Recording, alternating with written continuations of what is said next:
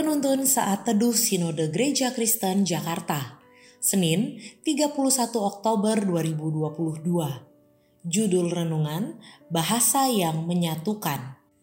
Diambil dari Nats Kisah Para Rasul 2 ayat 4 sampai 11 Maka penuhlah mereka dengan roh kudus Lalu mereka mulai berkata-kata dalam bahasa-bahasa lain, seperti yang diberikan oleh Roh itu kepada mereka untuk mengatakannya.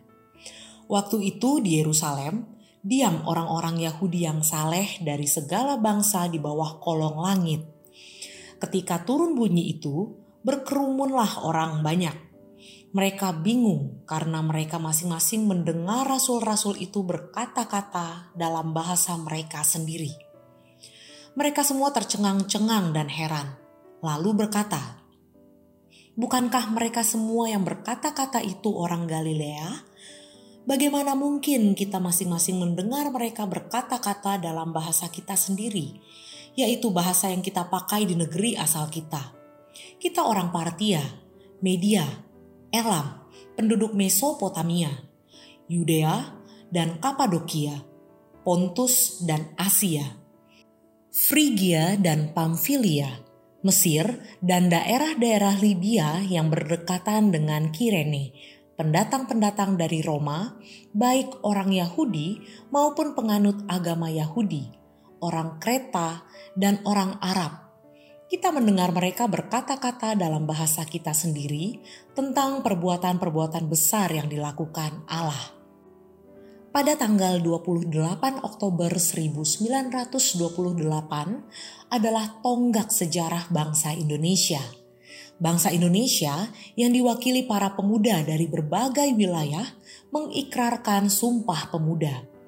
Bunyi Sumpah Pemuda yang ketiga adalah kami putra dan putri Indonesia menjunjung bahasa persatuan bahasa Indonesia Mengapa bahasa Indonesia perlu menyatakan bahasa Indonesia sebagai bahasa persatuan?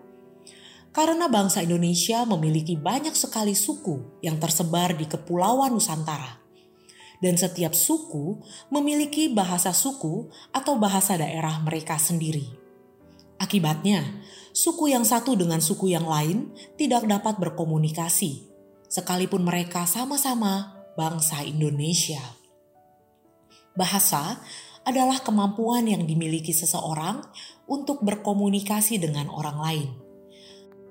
Bahasa juga salah satu alat pemersatu bangsa. Oleh karena itu, bangsa Indonesia sangat membutuhkan bahasa persatuan, yaitu bahasa Indonesia, supaya antar suku yang satu dengan suku yang lain dapat berkomunikasi.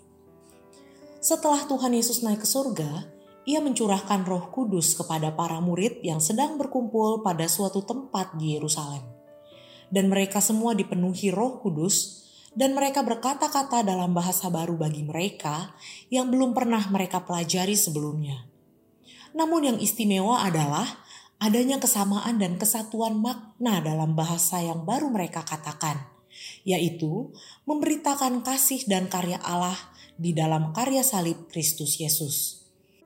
Sebelum menjadi orang percaya, kita memiliki latar belakang kehidupan dan ajaran kepercayaan yang berbeda satu dengan yang lain. Setelah percaya kepada Kristus, kita disatukan menjadi warga kerajaan Allah. Tentunya, kita harus memiliki bahasa persatuan supaya kita dapat berkomunikasi satu dengan yang lain sebagai warga kerajaan Allah. Roh Kudus memberikan bahasa yang menyatukan umat Tuhan, yaitu bahasa yang menyampaikan kasih Allah yang menyelamatkan umat manusia, menceritakan pekerjaan-pekerjaan Allah yang besar melalui karya Kristus Yesus. Roh Kudus mengaruniakan bahasa yang menyatukan orang percaya untuk menyatakan kemuliaannya. Roh Kudus menyatukan komunikasi orang percaya dengan Allah dan sesama. Terpujilah nama Tuhan.